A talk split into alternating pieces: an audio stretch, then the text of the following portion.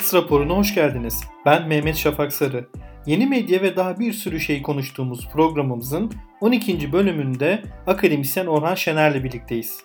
Orhan'la genç gazeteciler ve gazetecilik öğrencilerinin sektöre adım atarken yaşadıkları sorunları ve bu sorunları nasıl aşabileceklerini konuştuk. Orhan'ın tavsiyeleri önemli. Hadi başlayalım.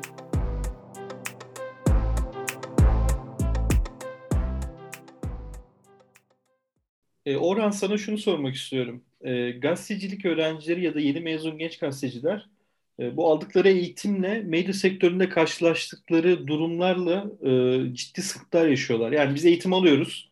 Aldığımız eğitimle sektörde olanların hiçbir alakası yok. Bize niye bunu yapıyorlar diyorlar. Sence de öyle mi? Bence de öyle ama bu bir sorun değil bence. Yani şöyle birçok meslekte aslında benzer bir şey var. Tıp okumuyorsanız değil mi? Mesela tıpta böyle değil. Hı hı.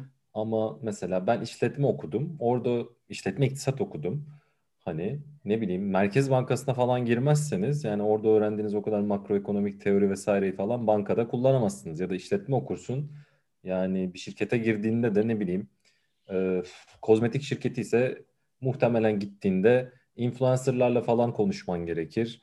E, ne bileyim şampuan falan denersin. Yani okulda öğretilen zaten sektörde birebir uygulanıyor olsa garip olurdu. Çünkü üniversite öyle bir yer değil. Üniversite zaten meslek yüksek okulu değil.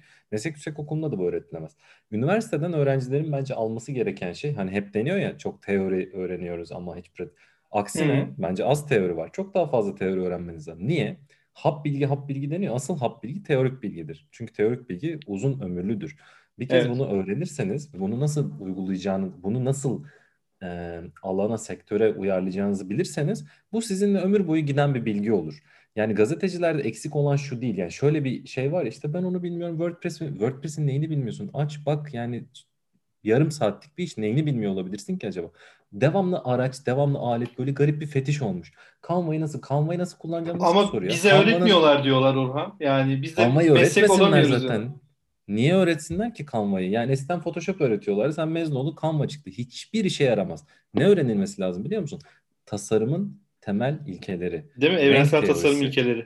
Tabii Bunları ki. sen bilirsen önüne ne alet çıkarsa fırça da versem iyi kötü yaparsın. Canva ile de yaparsın. Photoshop'la da yaparsın. Corel Draw'la da yaparsın. Canva öğretmek falan alet fetişini bıraksınlar. Bunları zaten biz öğretiyoruz. Çeşitli biliyorsun birçok eğitim verebildiğimiz yer var. Online eğitimler var, seminerler var veya kurslar var veya işteyken zaten bir büyüğün senden önce çalışan biri gelir gösterir. Yani tamam öğretilmesini demiyorum. Şimdi bizim üniversitemizde de mesela benim çalıştığım okulda da Photoshop vesaire öğretiliyor. Ama o hani genel bir yaklaşımı öğrenmek için. Yoksa alet fetişinin gerçekten bir anlamı yok. Yani bunu e, bilişimde de mesela bilgisayar bilimlerinde çok takıyorlar buna.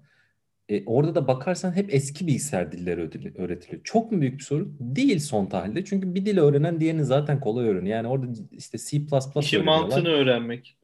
Ya burada Python'a da geçersin yani aynı Evet. şekilde. O şeylere çok takılmamaları lazım Ama sen mesela bence. verdiğin örneklerde hep şu var Orhan. Hani işte mühendislik, teknik bölümler falan. Şimdi gazetecilik deyince ülkede genel bir algı şu. Yani şimdi e, gazeteci dediğin kişi sanatçıda da böyle bir şey var. Muhalif olmalı. İşte toplumun gerekliliklerini yerine getirmeli. Hatta böyle işte hükümeti faş etmeli. İşte kral çıplak etmeli. işte önder olmalı. Aydın olmalı. Olmalı, olmalı. Öyle şeyler yükleniyor ki ve okulda da birçok akademisyen ve hoca da doğal olarak şöyle geçiştiriyor. Siz toplumun en e, önemli meslek dallarından birisisiniz ve e, dördüncü kuvvetsiniz ve bunu mutlaka bu sorumlulukla hareket etmeniz lazım diye genelde ya da bu minvalde konuşmalar yapıyorlar. Şimdi böyle oldu mu çocuk sektöre gidiyor diyor ki her gün 100 tane kopya haber yapacağım. E ben ne öğrendim ne yapıyorum diyor. Şimdi ben senden e, bunu duyunca da e, dinleyicilerimiz açısından da bir tartışma olsun dedim. E, yani gazetecilerden çok mu şey bekliyoruz acaba bir yandan da? Yani şimdi okulda gazeteciye işte gazeteciliğin dördüncü kuvvet olduğu ve işte e, iktidarı özellikle güç sahiplerini denetlemek sorumluluğunun vazifesinin kendilerinde olduğu öğretiliyorsa bu doğru. Güzel bir şey. E, sonra sektöre gittiklerinde bunun böyle olmadığını görüyorlarsa bu da hayatın sert yüzü. Şimdi okulda kalkıp nasıl kopya haber hazırlanır öğretseler garip olurdu açıkçası. Ee, okulda doğrusunu öğrenirsin. Hayata atılınca da gerçeklerle yüzleşirsin. Ama şundan bahsediyorsak eğer şimdi burada iki şeyden bahsedebiliriz. Bir, neden bu kadar kopyalı yapıştır haberi yapılıyor? Bu bizim şu anda genel bir sorunumuz. Yani dünyada da benzer bir şey yaşandı. Ama Türkiye daha sert geçiriyor. Dünyada yaşanan evet. neydi? Dijital dönüşümle beraber reklam pastasının çok büyük bir kısmını e, platformlara kaybetti e, gazeteler, haber mecraları. O yüzden de ekonomik bir kriz yaşandı. Bunlar şimdi yeni yeni işte büyükler çıkıyor. New York Times, Washington Post, Guardian, Financial Times vesaire. Daha küçüklerde de bunun çaresi bulunacaktır. Ama Türkiye'de üstüne bir de politik bir kriz olunca, demokrasi krizi yaşanınca bütün ana akım dediğim bir şey baştan sona iktidar tarafından ele geçirilip ya da yıkıldığı için e, çalışacak mecrada bulamıyor insanlar haliyle. E, diğer küçük mecralarda da onlar henüz e, düzgün dijital aboneliğe veya bağışa dayalı sürdürülebilir gelir modellerine geçemedikleri için hala işte eski BuzzFeed vesaire benzeri mecraların taktikleriyle denenmiş ve başarısız olmuş taktiklerle online reklamla geçinmeye çalıştıkları için böyle vasat yollara mecburen başvuruyorlar. Bu değişecektir elbette. Ee, genç arkadaşlar hani bu yapılanın pek de bir gazetecilik olmadığını ama yapılan her şeyden de öğrenecek bir şey olduğunu belki de düşünseler faydalı olur. Çünkü öyle ya da böyle iyi kötü bir haber merkezinde çalışmak, editoryal bir süreçten işte haberler nasıl geçer onu görmek, bir editörle çalışmak, yani en basit copy paste işi bile hani biraz önce dedik ya o WordPress panelini öğrenmeni sağlar. Onu biraz değiştirirsin. Nasıl işte haber metni nasıl farklı bir hale sokulur onu öğrenirsin. Ya da bir hata görürsün onu düzeltirsin. Teyit nedir onu öğrenirsin. Ya da birkaç haberi birleştirirsin. Kürasyon nasıl yapılır bunu öğrenirsin. Yani kötü vasat şeylerden de olabildiği kadar faydalanmak lazım. Yani sonsuza dek böyle sürmeyecek. Arkadaşlara tavsiyem sonsuza dek zaten burada kal böyle yerlerde çalışmayacakmış gibi böyle bir zihin yapısıyla zaten uğraşmaları. Tam bu noktada araya gireceğim. Mesela e, gerçekten çok fazla gazetecilik mezunu var. Ülkemizde aynı eğitim fakülteleri gibi gazetecilik ya da medya odaklı çok fazla fakülte var. Ne kadar son yıllarda bu e, fakültelerin bölümlerinin e, kabul öğrenci kabulleri azaltılsa da mesela benim eski fakültemde Ankara e, Üniversite İşi Fakültesi'nde de böyle oldu. Yine de gerçekten kalabalık bir mezun grubu var ve çoğu sektörde iş arıyor. E, ama iş arama süreçlerinde direkt olarak mesleğe başlayamadıkları için genellikle staj süreçlerine giriyorlar. Ama hmm. kendisine daha e, yani daha 3-4 senedir bile 3-4 senelik bile e, medya kuruluşu olmayan kurumlar e, burada meslek öğreneceksin diye birçok genç gazeteciyi ücretsiz bir şekilde e, ve gerçekten de kötü koşullarda çalıştırıyorlar. Şimdi böyle olunca baya zaman kaybediyor öğrenciler de. Yani 20 yaşlarında üniversite bitiyor, staja başlıyorlar. 3-4 sene staj oluyor. Sonra işte asgari ücret alıma dönüyor. E, bu süreçte zaten çoğunun gazeteci baltalıyor, baltalanıyor ya da meslekten mesleği terk ediyorlar. Böyle bir süreden nasıl kaçabilirler bu gazeteciler, öğrenciler ya da yeni mezun gazete, gazetecilik adayları? Yani kolay değil açıkçası çünkü şu anda çok fazla mecrada yok Türkiye'de. Ya sen de öğrenci mezun ediyorsun çünkü sürekli. Ediyorum. Açıkça söylemek gerekirse pek çoğu zaten gazeteci olmak istemiyor. O öyle bir durumda var. İkincisi olmak isteyenlerin bir kısmında mesela ben bir mecra sahibi olsam çalıştırmam. Vasıfsız hı birçoğu. Hani kendi öğrencilerimde de var. Ama hakikaten hem vasfı olan çalışkan, akıllı arkadaşlar için de bir zorluk var. Ama enseyi de karartmayalım. Şimdi şöyle bir durum var orada. Bu durum değişecektir elbette. İlelebet böyle gitmeyecek. Ve yeni, hem mevcut mecralar daha sürdürülebilir gelir yapılarına sahip olacaklar ve daha çok insanı daha düzgün maaşlarla istihdam edebilecekler. Hem de yeni mecralar da açılacaktır zaten. Bu bir. İkincisi mevcut durumda şimdi stajlarla ilgili şöyle bir şey var. Birincisi bu okulların ekseriyeti zaten e, resmi olarak staj sistemlerine sahipler. Yani öğrencinin işte sigortasını yatırdıkları, ve e, bir resmi prosedürün işlediği staj programları birçoğunda var okulların. Bir kere bunu düzgün kullanmaları lazım. Birçok öğrenci şunu görüyorum. Böyle imkan var. Ama bunu kullanmıyorlar. Ben stajla. de Evet. Yani naylon staj yapıyorlar. İşte akrabasını saçma sapan yani Şimdi gazetecilikte de naylon staj yapacaksan zaten boş ver okuma gazeteciliği. Yani o kadar çok para kazanılacak bir yer de değil. Bu kadar çakallıktaysan bu kadar böyle işin antin kuntinindeysen ne gerek var? Bu antin kuntinleri yapabileceğin çok fazla bölüm var zaten. Neden gazetecilik okudun ki? Ben bunu da anlamıyorum. Yani şimdi e, kesinlikle her şeyin suçlusu öğrenci değil. Ama ülkede birçok şey sorunun olduğu gibi hani insanlar yani öğrenci de açıkçası böyle tamamen e, melek gibi, melaike gibi Evet. tamamen suçsuz da değil. Yani suçtan ziyade şöyle bir şey. O meslek o zaman sana uygun değil mi? Zaten yapma onu. Naylon staj yapıyorsan boş ver gitsin ya. Ne önemi var yani? Yapma. Gazeteci olmasan zaten. Ama yapmak isteyip hakikaten yapamayan arkadaşlar. Onlara ya da yapan ve sömürülen arkadaşlar. Onlara bazı tavsiyeler vermeye çalışayım. Birincisi yani o bir ay vesaire şu bu hani bir ay bir ücretsiz bir şey oldu falan onu bir yere kadar anlarım ama orada şöyle bir şey oluyor. Sen de biliyorsun bunu. E bir ay bitti gel biraz bizimle daha şey yap. Olabildiği kadar sündür sündür sündür. İki sene hiç ücret almayan insan var. Telifli diye geçiyor bunlar. Arada Evet. böyle bin lira bin lira alıyorlar ya da almıyorlar. Sodexo'su var ya da yok. 10 liralık Sodexo kartları falan. Yani şunu açıkça söylemek Tavuk döner ve ayrana yeten. bir e yani ben burada bir sonuçta s- sen Türkiye Gazeteciler Sendikası bünyesinde bir iş yapan bir insanım ve şunu söylemem gerekiyor. Arkadaşlar orada zaten belli bir süreden sonra sizi bu şekilde çalıştırıyorlarsa bu kanunsuz bir şey, yasa dışı yani. Ne demek asgari ücretin altında kimi nasıl çalıştırabiliyorsun zaten? Hani o ilk bir aylık stajdan bahsetmiyorum ki onun da kuralları var. Evet. Orada çok net tavırlar koymak lazım. Yani işte e, arkadaş genç henüz öğreniyor. Valla ben onu bunu bilmem. Yani çok basit bir şey. Bir insan sadece sabah kalkıp o ofise kadar gidiyor. Akşama kadar orada duruyor ve geliyorsa bile bu zaten asgari ücret ya tek başına. Zaman Böyle zaten, dünya yok zaman yani. Adam bütün zamanını aldın ki orada arkadaş muhtemelen çay getirir, götürür, fotokopi çeker, iki tane haber gelir. Bir iş yapıyor bu insanlar ya. Bir Tabii sürü iş yapıyorlar yani. O yüzden asgari ücretin altı zaten olmamalı. Ama söylenmesi kolay, yapması kolay mı? Değil tabii ki. Mümkün mertebe orada yani genel mantık becerilerinizi olabildiği kadar arttırın. Kozunuz, pazarlık kozunuz yükselsin. İkincisi de dayanışma ve e, sendikalaşma. Başka çaresi yok bunun. Hazır hazır e, sözü de geçmişken mesela siz sen TGS Akademi'nin direktörüsün ve e, bayağı da uzun boylu bir proje bu. Hem biraz TGS Akademi'den bahsetsen ve neler yapıyorsunuz orada? E, yani mesela yeni yeni e, mezun olmuş gazeteciler ya da gazetecilik profesyonelleri sizinle temas kurmayanlar gelseler neyle karşılaşacaklar? Şöyle açıklayayım. Teşekkür ediyorum fırsat için. Türkiye Gazeteciler Sendikası biliyorsun ülkemizdeki e, en eski 70 yıla varan neredeyse bir ömrüyle en eski gazetecilik kurumlarından birisi E, ve köklü tarihinde Hıfzı Topuz, işte Abdi İpekçi gibi önemli isimleri barındırmış e, bir kurum.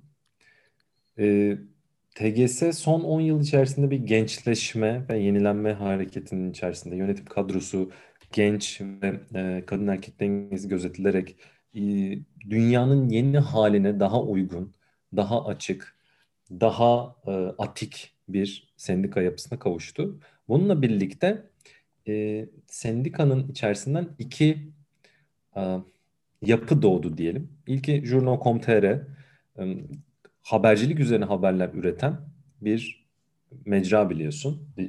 Dijital bir mecra. E, editörü Emre Kızılkaya şu anda ve son iki yıldır özellikle tabii da- daha eski biliyorsun ama son iki yıldır özellikle çok yoğun bir şekilde içerik üretiyor. İkincisi de TGS Akademi. Burada da amaçlanan şey şu. Sektör değişiyor. Birçok yeni beceri gerekiyor. Ancak bu becerileri hali hazırda sektörün içerisinde özellikle sendika üyelerinin biz edinmesini istiyoruz. Ama çok kolay bir şey değil. Bunu edinebilmeleri için kurulmuş bir yapıydı. Ancak Avrupa Birliği'nin de kıymetli destekleriyle birlikte girdiğimiz bu 4 senelik proje içerisinde daha fazlasını yapabilme imkanına sahip olduk. Neydi bu? Biz Şişli'de oldukça büyük bir merkeze sahibiz şu anda. Pandemi nedeniyle şu an kullanamıyoruz ama tekrar döneceğiz evimize. Burada işte fiziksel olarak eğitimler gerçekleştirebilme imkanımız oldu ilk bir buçuk sene boyunca. Yaklaşık işte 8-9 aydır online'da devam ediyor bu eğitimler. Tamamen her şeyin ücretsiz olduğu e, eğitimlerimiz var. E, bu eğitimlerin dışında ortak çalışma alanımızda gelip serbest gazeteci arkadaşlar çalışabiliyor. Artık yani sadece üyelerimiz değil, sendika üyeleri değil, herkese, bütün gazeteci ve gazeteci adaylarına kapımız açık. Gelip orada çalışabilirler. Toplantı salonumuzu kullanabilirler. Stüdyoda çekim yapabilirler. Podcast kaydı alabilirler. Avukatlarımızdan işte e, iş hayatında karşılaştıkları sorunlara dair veya e, yaşadıkları adaletsizliklere dair hukuki destek alabilirler. Hatta psikolog desteğimiz bile var. Bunların hepsi ücretsiz. Şu anda birçoğu da bunların online olarak devam ediyor. Biz bu sene birçok şey öğrendik. Online'da çok daha geniş kitlelere ulaşabildik. Özellikle genç arkadaşların, bu mesleğe yeni adım atacak olan arkadaşların veya atmış olan arkadaşların eğitimlerimizi takip etmesini şiddetle öneriyorum. Çünkü yani en son yaptığımız eğitimde şöyle baktığımızda hani Banu Güven, Duygu Demirdağ ve Can Ertuğrul ile mesela televizyon haberciliğini konuştuk. Hemen öncesinde Kadri Gürsel'le beraber gazeteciliğin geleceğini Evet. konuştuk. Ne bileyim ekonomi haberciliği, Türk sanat haberciliği, arkeoloji haberciliği, sağlık haberciliği, bilim haberciliği, dijital araçlar, senin verdiğin dijital güvenlik eğitimleri mesela. İşte ben birçok eğitim vermeye çalıştım. Yani insan buradan çok besleniyor. Ben şahsen hani bunları modere ederken çok şey öğrendim ki Ya, arkadaşlar için öğrenecek şeyin ucu bucağı yok. neredeyse Ha, İngilizce eğitimlerimizi de ekleyeyim bu arada. evet İngilizce evet. eğitimlerimiz de var. Ee, bunların hepsinin duyurularını yapıyoruz zaten. Sitemizden takip edebilirler. Ee, sosyal medya hesaplarımızdan takip edebilirler. Kafamız herkese açık. Ya özellikle zaten e, senin TGS Akademi'den bahsetmeni çok isterim. Çünkü e, genel olarak gazetecilik öğrencilerinin sorunlarını aşabilecekleri e, birçok e, kavram, seminer, eğitim, destek e, aslında TGS Akademi üzerinden sağlanıyor. Aynı zamanda da mesleğin geleceğine dair e, bütün öngörüler, mesleğin sorunlarına dair birçok yazı, makale, haber de Jurno'dan yayınlanıyor. Bu yüzden hani bizi dinleyen e, bu programı ee, bu programı şu anda dinleyen hem genç gazeteciler hem de gazetecilik öğrencileri açısından güzel bir fırsat. Ben de e, çok faydalandım, çok şey öğrendim açıkçası. E, onların da e, katılmasını isterim. Peki e, aslında son olarak birkaç e, da- birkaç e, kaşıma soruları daha soracağım. Yani böyle Hı hı. e, tart kızıştırayım tartışmayı diye. Hadi Şimdi bakalım. tamam öğrenciler e, mezun oldular. E, çok kötü bir sektör var. İşte koşullar berbat, meslek vasat durumda. Her şey çok kötü diyelim ki ne kadar e, sorunlar yaşasak da aslında ülkemize yine gazetecilik birçok yerde hakkıyla yapılabiliyor durumda. E, her meslekte olduğu gibi aşınmalar olsa da. Ama e, gazetecilere yönelik genel olarak bir kahraman, kahramanlaştırma ya da mesleklerini aşan yani genel olarak gazetecilik mesleğinin bütününün e, sembolik de olsa gerçekte de olsa e, yapması gerektiklerini aşan bir durum var. E, habercilikle aktivizmin çok karıştırıldığını düşünüyorum. Ya da sana şunu soracağım. Habercilikle aktivizm bir arada yürüyebilir mi? Habercilik aktivizm midir yoksa hiç alakası olmayan şeyler mi bu iki kavramlar? Burada böyle görüşlerini merak ediyorum açıkçası. Karışık bir konu tabii ki ama Türkiye'de şöyle bir yanılgı var. Onun sebebi de ana akımın çökmüş olması. Ana akım çökmüş olduğu için, yani çökmek derken iktidar tarafından yok edildi ve ele geçirildi. Ee, muazzam da bir sansür baskı rejimi içerisindeyiz. Doğal olarak şu anda e, ekonomik modelin de çökmesiyle beraber şöyle bir durum ortaya çıktı.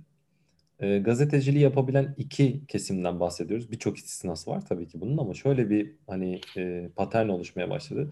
Bir, halihazırda madden daha rahat bir durumdaysanız, aileden gelen bir şey olabilir veya daha önceden kazanmış veya başka geliriniz olabilir. E, bunu biraz daha rahat yapabiliyorsunuz kendi başınıza. E, ikincisi, belli bir davaya kendini adamışsınızdır. Her şeyi yani gözünüzü karartırsınız, yaparsınız. Şimdi bu iki ucun arasında olması gerekir aslında gazetecinin. Çünkü gazetecilik değil mi? Dünyada mesela nerede yapılıyor? New York Times'da yapılıyor. Washington, Washington Post'ta yapılıyor. Guardian'da yapılıyor. Vesaire. Eskiden de mesela Türkiye'de bakarsan Hürriyet'te, Milliyet'te, Cumhuriyet'te vesaire değil mi? Gazetecilik buralarda Evet. yapıldı yıllarca.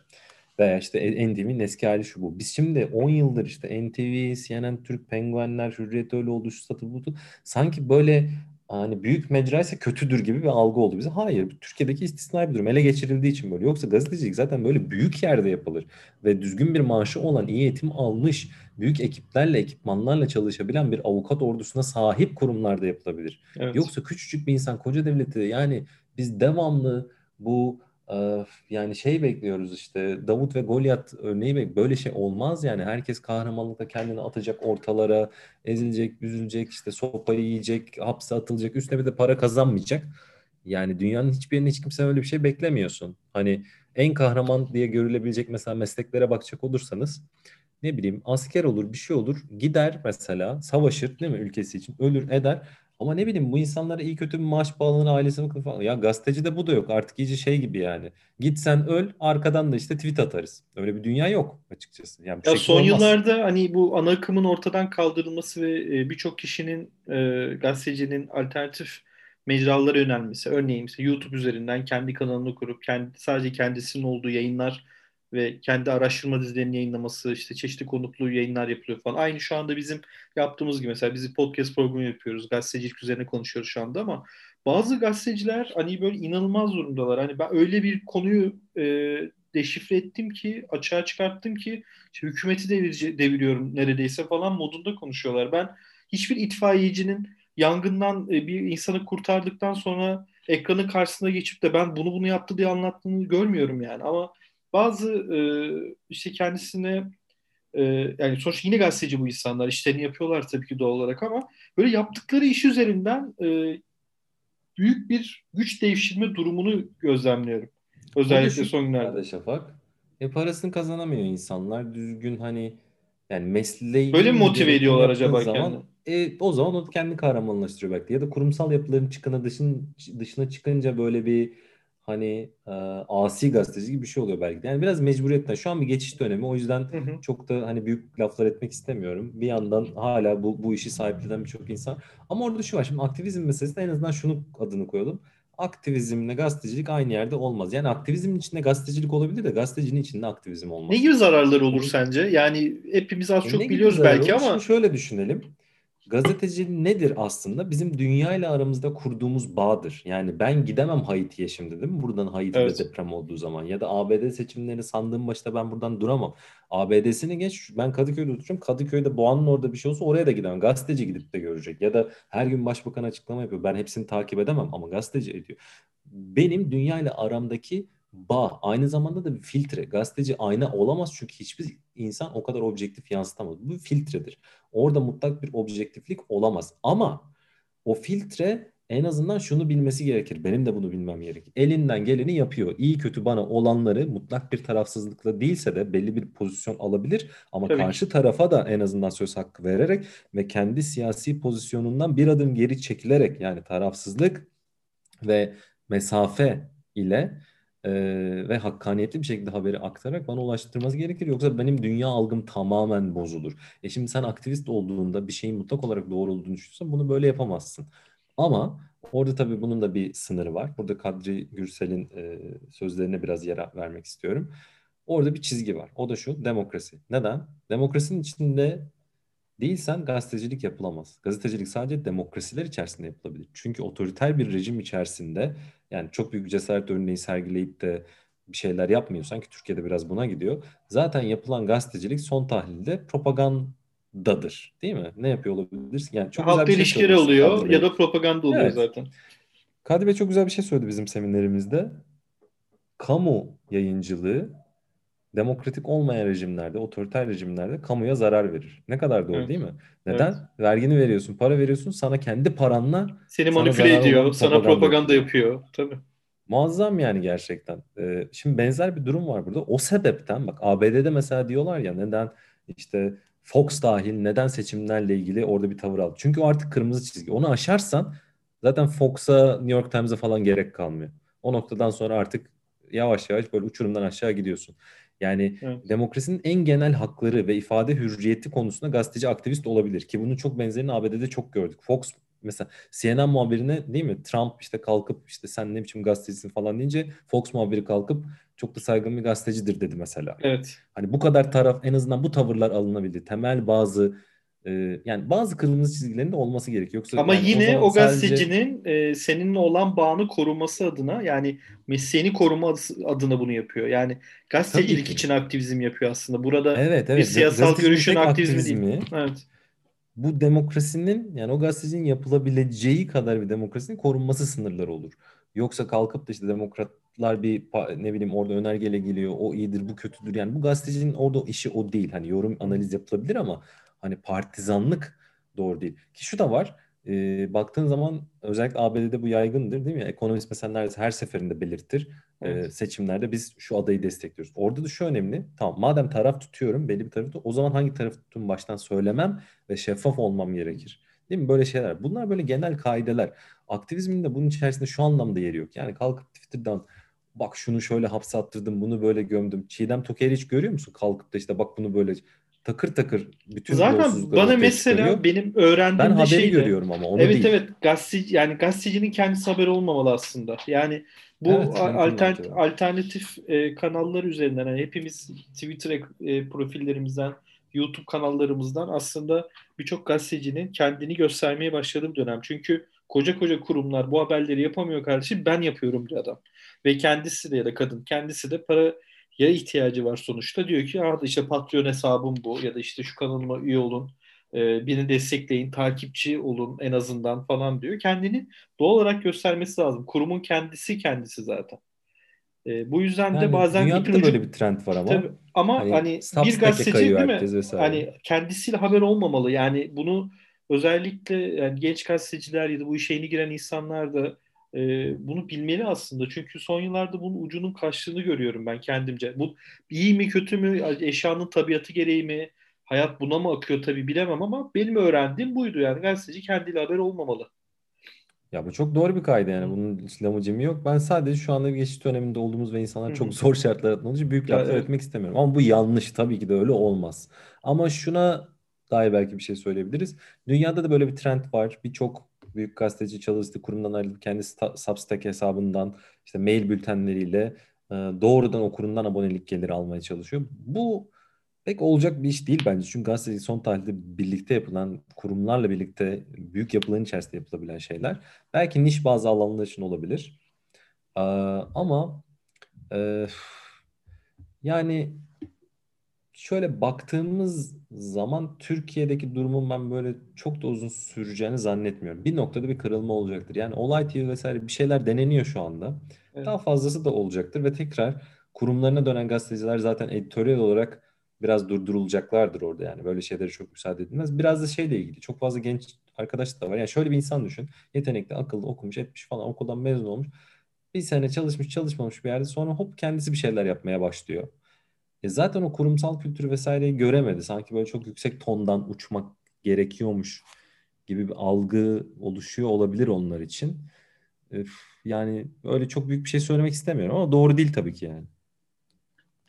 Orhan çok teşekkür ederim. Yani e, güzel bir e, söyleşi oldu. Çünkü hem genç gazetecilerin bazı alan, bazı sor, bazı kafalarında oluşan soruları gidermeleri açısından e, senin konuşmanı çok değerli buluyordum. Çünkü hem akademisyensin hem e, gazetecilik üzerinde çeşitli projelerde yer alıyorsun hem de birçok seminerde, eğitimde e, hem yeni medya, habercilik, yeni formatlar, yeni nesil iletişim ve gazetecilik teorileri üzerine uzmanlaşmış bir insansın. Umarım faydası olur. Çok teşekkür ederim e, Ben çok teşekkür için. ederim.